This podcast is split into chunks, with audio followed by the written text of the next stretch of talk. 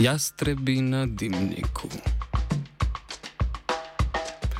Posel z odpadki je dobičkonosen biznis in tega se dobro zavedajo tudi na mestni občini Ljubljana, ki je danes v prenovljeni cukrarni pripravila prvo javno predstavitev projekta sežigalnice mešanih odpadkov v prestolnici. Ljubljana je namreč prva prestolnica v Evropi, ki je pristopila k programu Zero Waste, ki do leta 2030 predvideva oglično neutralnost pri ravnanju z odpadki in ogrevanjem gospodinstv.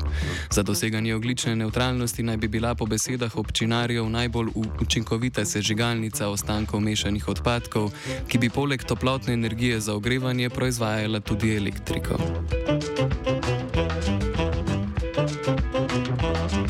Kot primer dobre prakse so na predstavitvi s pomočjo dunajskega župana Mihaela Ludviga in direktorja podjetja Vin Energy Karla Gruberja navedli tri dunajske sežigalnice odpadkov, ki proizvajajo toploto in elektriko, pri tem pa naj bi imele kar najmanjši vpliv na okolje in zdravje prebivalcev avstrijske prestolnice. Več dunajski župan. Oskrbujemo s toploto na tisoče gospodinstv. Poleg tega ne eh, zakopavamo več eh, odpadkov v zemljo, ki so biološko zelo oporečni.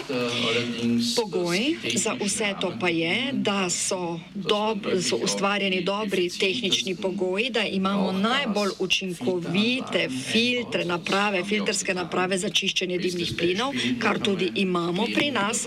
To je odličen primer, kajti poleg sežigalnice imamo tudi, naj, tudi torej največja bolnišnica, eh, torej je v bližini, kot sem povedal, in če bi naši dimni plini škodovali prebivalstvo, zagotovo ne bi imeli sežigalnice na tej lokaciji, poleg bolnišnice. Torej, znižali smo emisije CO2 in tako smo postali tudi neodvisno od drugih energentov, virov energije, kot je naprimer plin.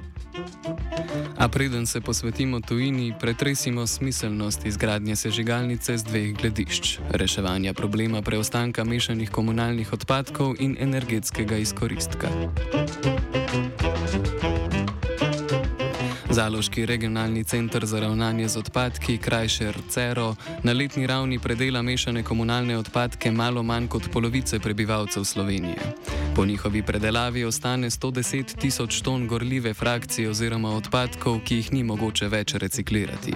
Več kot dve tretjini teh odpadkov snaga izvaža v sežigalnice v tujino, kjer iz njih pridobivajo toploto in elektriko. Izvoz ni poceni. V zadnjih desetih letih je cena sežiga iz 45 evrov na tono materijala narasla na 200 evrov, kar na letni ravni znese skoraj 20 milijonov dodatnih stroškov za javni holding Ljubljana, posledično za meščane in meščanke. Izgradnja sežigalnice bi po besedah ljubljanskega župana Zorana Jankoviča imela neposreden vpliv na ceno komunalnih storitev v prestolnici. Mi se danes lahko hecamo glede energentov, govorimo o plinu, kajti ozunja je vročina 30-35 stopinj, ampak prišli bo tudi meseci, oktober, november, ko bo minus in takrat bom vprašal, kaj je s položnicami. S tem, kar je napisano in to bo pred letom 2030, jaz upam, da bomo dosegli to razumevanje soglasje, jaz zagotavljam, da bojo v vsakem stanovanju, ki je na vročevodu, cene ogrevanja najmanj za 20% nižje. Poleg tega bi sežigalnica omogočila izrabo presežka toplotne energije, ki nastane z izgorevanjem odpadkov. Ljubljanska toplarna trenutno ogreva polovico gospodinstv v prestolnici. Do leta 2030 želi občina na toplovod priključiti kar 90 odstotkov gospodinstv.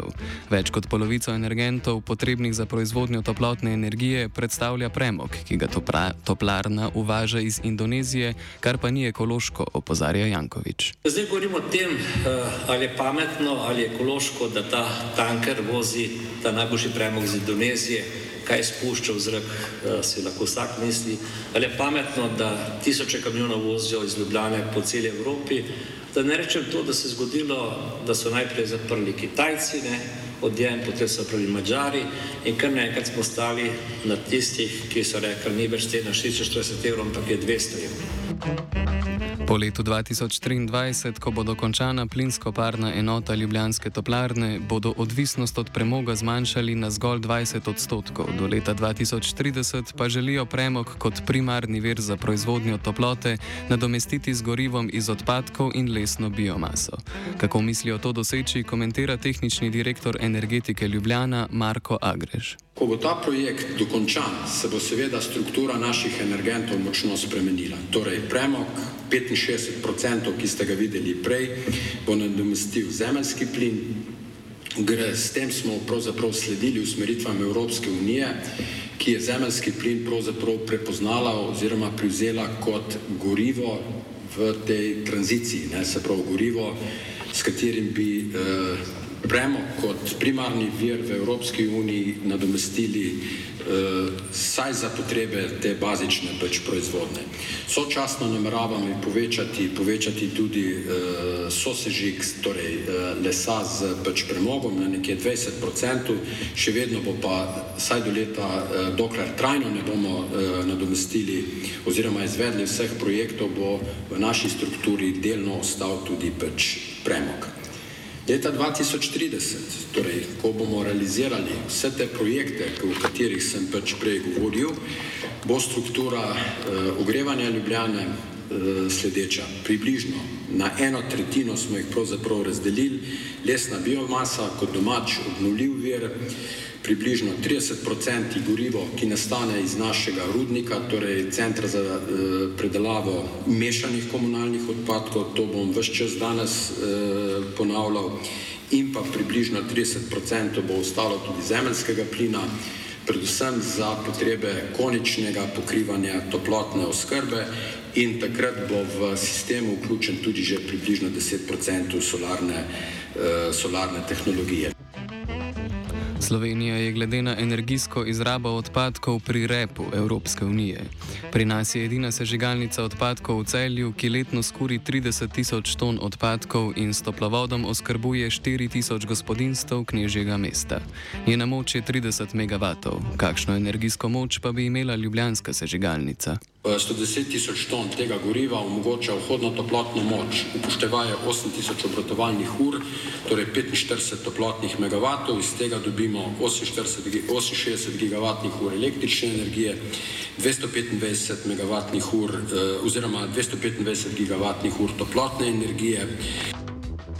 A primerjava s podatki centralne Dunajske sežigalnice Špitela, v katere zunanjo fasado je po požaru leta 1987 oblikoval dunajski arhitekt in umetnik Friedensreich Hundertwasser, razkrije nesorazmerje. Vhodna moč sežigalnice je 60 MW. V enem letu iz 270 tisoč ton odpadkov proizvede 60 GWh električne energije in 600 GWh toplotne energije. Vhodna moč ljubljanske sežigalnice bo predvidoma 45 MW. V enem letu naj bi proizvedla 68 GWh električne energije in 225 GWh toplotne energije. Predvidoma bi v sežigalnici sežigali le odpadke iz območja, ki ga pokriva RCERO Ljubljana, kar letno znese 110 tisoč ton primernih odpadkov.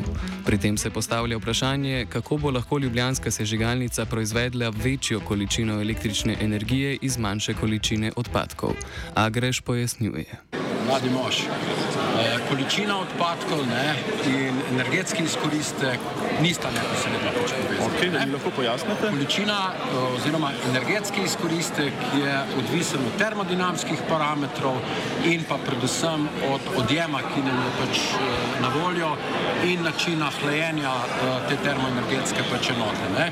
In če imamo mi tukaj na voljo točni sistem pač hlajenja ne? in če imamo na voljo dovolj toplotnega odjema, potem je tak izkoristek primeren visok. Ker naj bi ljubljanska sežigalnica pridobila več električne energije iz manjše količine odpadkov, kakor špitala, to poraja dvom v javno zagotovilo ljubljanskega župana. To pripravljam dati tudi v statut. Niti kile smeti stojine. Sežigalnica je bila v občinski prostorski načrt umeščena že leta 2010 in ponovno potrjena v letošnjem prostorskem načrtu in to na dveh potencialnih lokacijah: ob Ljubljanski toplarni v Mostah ali na letališki cesti ob obvoznici. Leta 2019 je Ministrstvo za okolje in prostor izdal javni poziv vsem občinam v Republiki Sloveniji, da izrazijo interes, ali bi v njihovem okolju bil primeren, torej bi bil primeren prostor za postavitev tovrstnih objektov. Takrat se je prijavilo, ta interes je izrazilo sedem občin. Eh, po jasno eh, teh, eh, ekološko-tehnični evaluaciji smo ostali štirje, štirje, torej mestna občina Ljubljana, Maribor, Celje, jasno z delujočo enoto in uh, Kočevje. Maja 2022 je vlada Republike Slovenije uh, sprejela uredbo o upravljanju uh, obvezne gospodarske javne službe sežiganja komunalnih odpadkov in v okviru tega pravnega procesa sledi tudi javni razpis za podelitev pač koncesije. V vetrovno slabo pretočni Ljubljani bo največji problem dimnik, ki bo moral segati čez mejo tople, toplotnega obrata, kar znaša med 200 in 300 metri višine. Nad potencialnimi škodljivimi emisijami se je ob sprejemu uredbe o podeljevanju pritoževala že zdravstvena stroka. Pred današnjo predstavitvijo pa so svoje zadržke predstavili skupina civilnih inicijativ ter stranki Levica in Pirati. Najbolj jih skrbi kvaliteta zraka v Ljubljanski kotlini. Več Jane Stariha, mestni svetnik in predstavnik liste kolesarjev in pešcev Ljubljane. V listi kolesarjev in pešcev smo lansko zimo uh, merili vsebnost trdih delcev PM2 in pol, medtem ko smo kolesarili po mestu. Ugotovitve so bile naravno šokantne. Eh, večino dni po zimi so bile vrednosti teh delcev presežene tudi do desetkrat. Umeščati potem neko tako uh, sežigalnico v območje, kjer so že te delci preseženi, kjer je uh, velika količina ljudi, ne, to je okrog 70 tisoč ljudi živi na tem strnem območju, je za, po našem mnenju neprimerno. Pri tem jih je podprla tudi avstrijska stranka zelenih, ki je v svojem pismu izpostavila, da je največji problem sežigalnic domnevno enostavna proizvodnja energije, ki pa ima vseeno visoko glični odtis. Več Urša Zgozdnik iz inicijative Ekologi brez meja. Domnevno enostavna proizvodnja energije brez nadaljne predelave odpadkov je v bistvu največji problem sežigalnic. Zaradi sežiga se ne uporablja mehansko-biološka obdelava, ni dovolj ločenega zbiranja odpadkov in recikliranja. Toda prav te tehnologije predelave odpadkov bi dodatno zmanjšale emisije toplogrednih plinov pri ravnanju z odpadki in hkrati prihranile pomembne surovine. Njihove zahteve, torej zahteve zelenih za ravnanje z odpadki na Dunaju so in jih tudi jasno komunicirajo. Dosledno zbiranje in recikliranje odpadnega materijala na mesto sežiganja vsega povprek v kombinaciji z obveznimi kvotami za ponovno uporabo embalaže pijač. Na zvezdni ravni so lani sprejeli kvote za ponovno uporabo in enosmerno odlaganje. Kosovne odpadke je treba razgraditi in predelati na mesto sežgati. Kuhinjski odpadki sodijo v bioplinarne in kompostarne in ne v sežig. Uvedba ukrepov za zmanjšanje živilskih odpadkov oziroma zavržene hrane. In širitev servisnih centrov v povezavi z bonusom za popravilo. In to so tudi ukrepi, ki jih v bistvu lahko uh, damo na mizo tukaj mestni občini in o tem bi se morali pogovarjati, pa se ne. Zato dodajajo, Sežiganje odpadkov je legitimno le pod pogojem, da se odpadke pred sežigom dosledno in dokončno sortira. Žal se zaradi ekonomskih interesov in pomankanja pravnega varstva sežiga preveč nesortiranih odpadkov in nasploh preveč odpadkov, zato ker obstajajo prevelike zmož, zmogljivosti sežiga. In tudi to je trenutno največji problem Dunajske sežigalnice in sežiganja odpadkov. Problematična pa naj bi bila tudi pravna podlaga presoje vplivov na okolje. Zagato predstavi Jasmin Feratovič iz Piratske stranke. Pravna podlaga za to sežiganje odpadkov, kot se ga um, načrtuje v Ljubljani, v Mariboru, mogoče tudi v Kočevju, um, izvira iz uh, vladne uredbe, ki je bila sprejeta, pač prej je vlada končala mandat. In uh, tej vladni uredbi je zdravniška stroka tudi ostro nasprotovala, zato ker uh, po njihovem mnenju ni dovolj natančno uh, specificirala, kaj se mora presojati pri tem, kako sežigalnica vpliva na zdravje.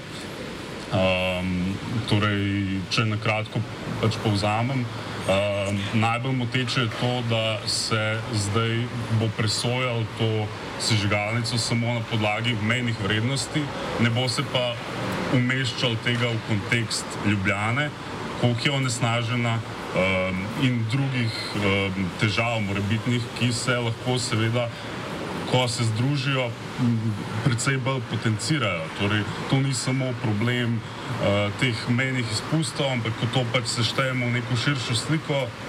Ko pogledamo um, geografijo območja, um, je pač lahko učinek hujši. Ne? In to nas skrbi, da se pač tega ne bo presojalo, tako kot uh, to zahteva zdravniška stroka. Ne? Nevladnike je v začetku svojega govora tradicionalno okaral tudi sam župan, ki je večkrat izpostavil, da današnja javna predstavitev projekta sežigalnice še ni javna razprava. To danes ni javna razprava, zato tudi meni čudi, da nekdo se pred Sokrano, uh, pred je slišal vse nagovore, uh, oglasi, da so proti, kar je pravica, absolutno. Mi bomo javno razpravo še odprli in pred nekimi štirimi ali petimi meseci smo porosili, da pridejo predstavniki zelenih, ko smo v tem projektu razlagali. Predvsem mi ni prav, ne, da se javlja vladna stranka, ki uh, protestira proti sežigalnici, ki ti ima vse v rokah. Vlada se odloči in razpiše koncesije, stvar je zaključena in se čaka neka druga oblast, ki bi mogoče pa ne bo razumela. Ljubljanska sežigalnica torej bo. Konec koncev pri tem projektu, kot pri večini ostalih v 16-letnem mandatu trenutnega župana, ne gre za profit, temveč dobrobit meščanov in meščank. Offside zaključuje ljubljanski župan. In ena stvar, ki niti ne želim, da se omenja, ne briga me, kako se odvijajo stvari v Lafaržu ali pa Salonitu. Obe podjetji sta privatni, stojimi lastniki in je razumljivo, da njihov cilj, prvi cilj profit, jaz pa odgovarjam drugače. Prvi cilj je kvaliteta življenja naših meščank in meščanov in konec konca je to naša vizija. Mi nimamo nobenega razloga, da bi delali nek profit. Offside je pripravil Dugi, tehnično so asistirali Mittendorfer, Krizmanič in Svetina.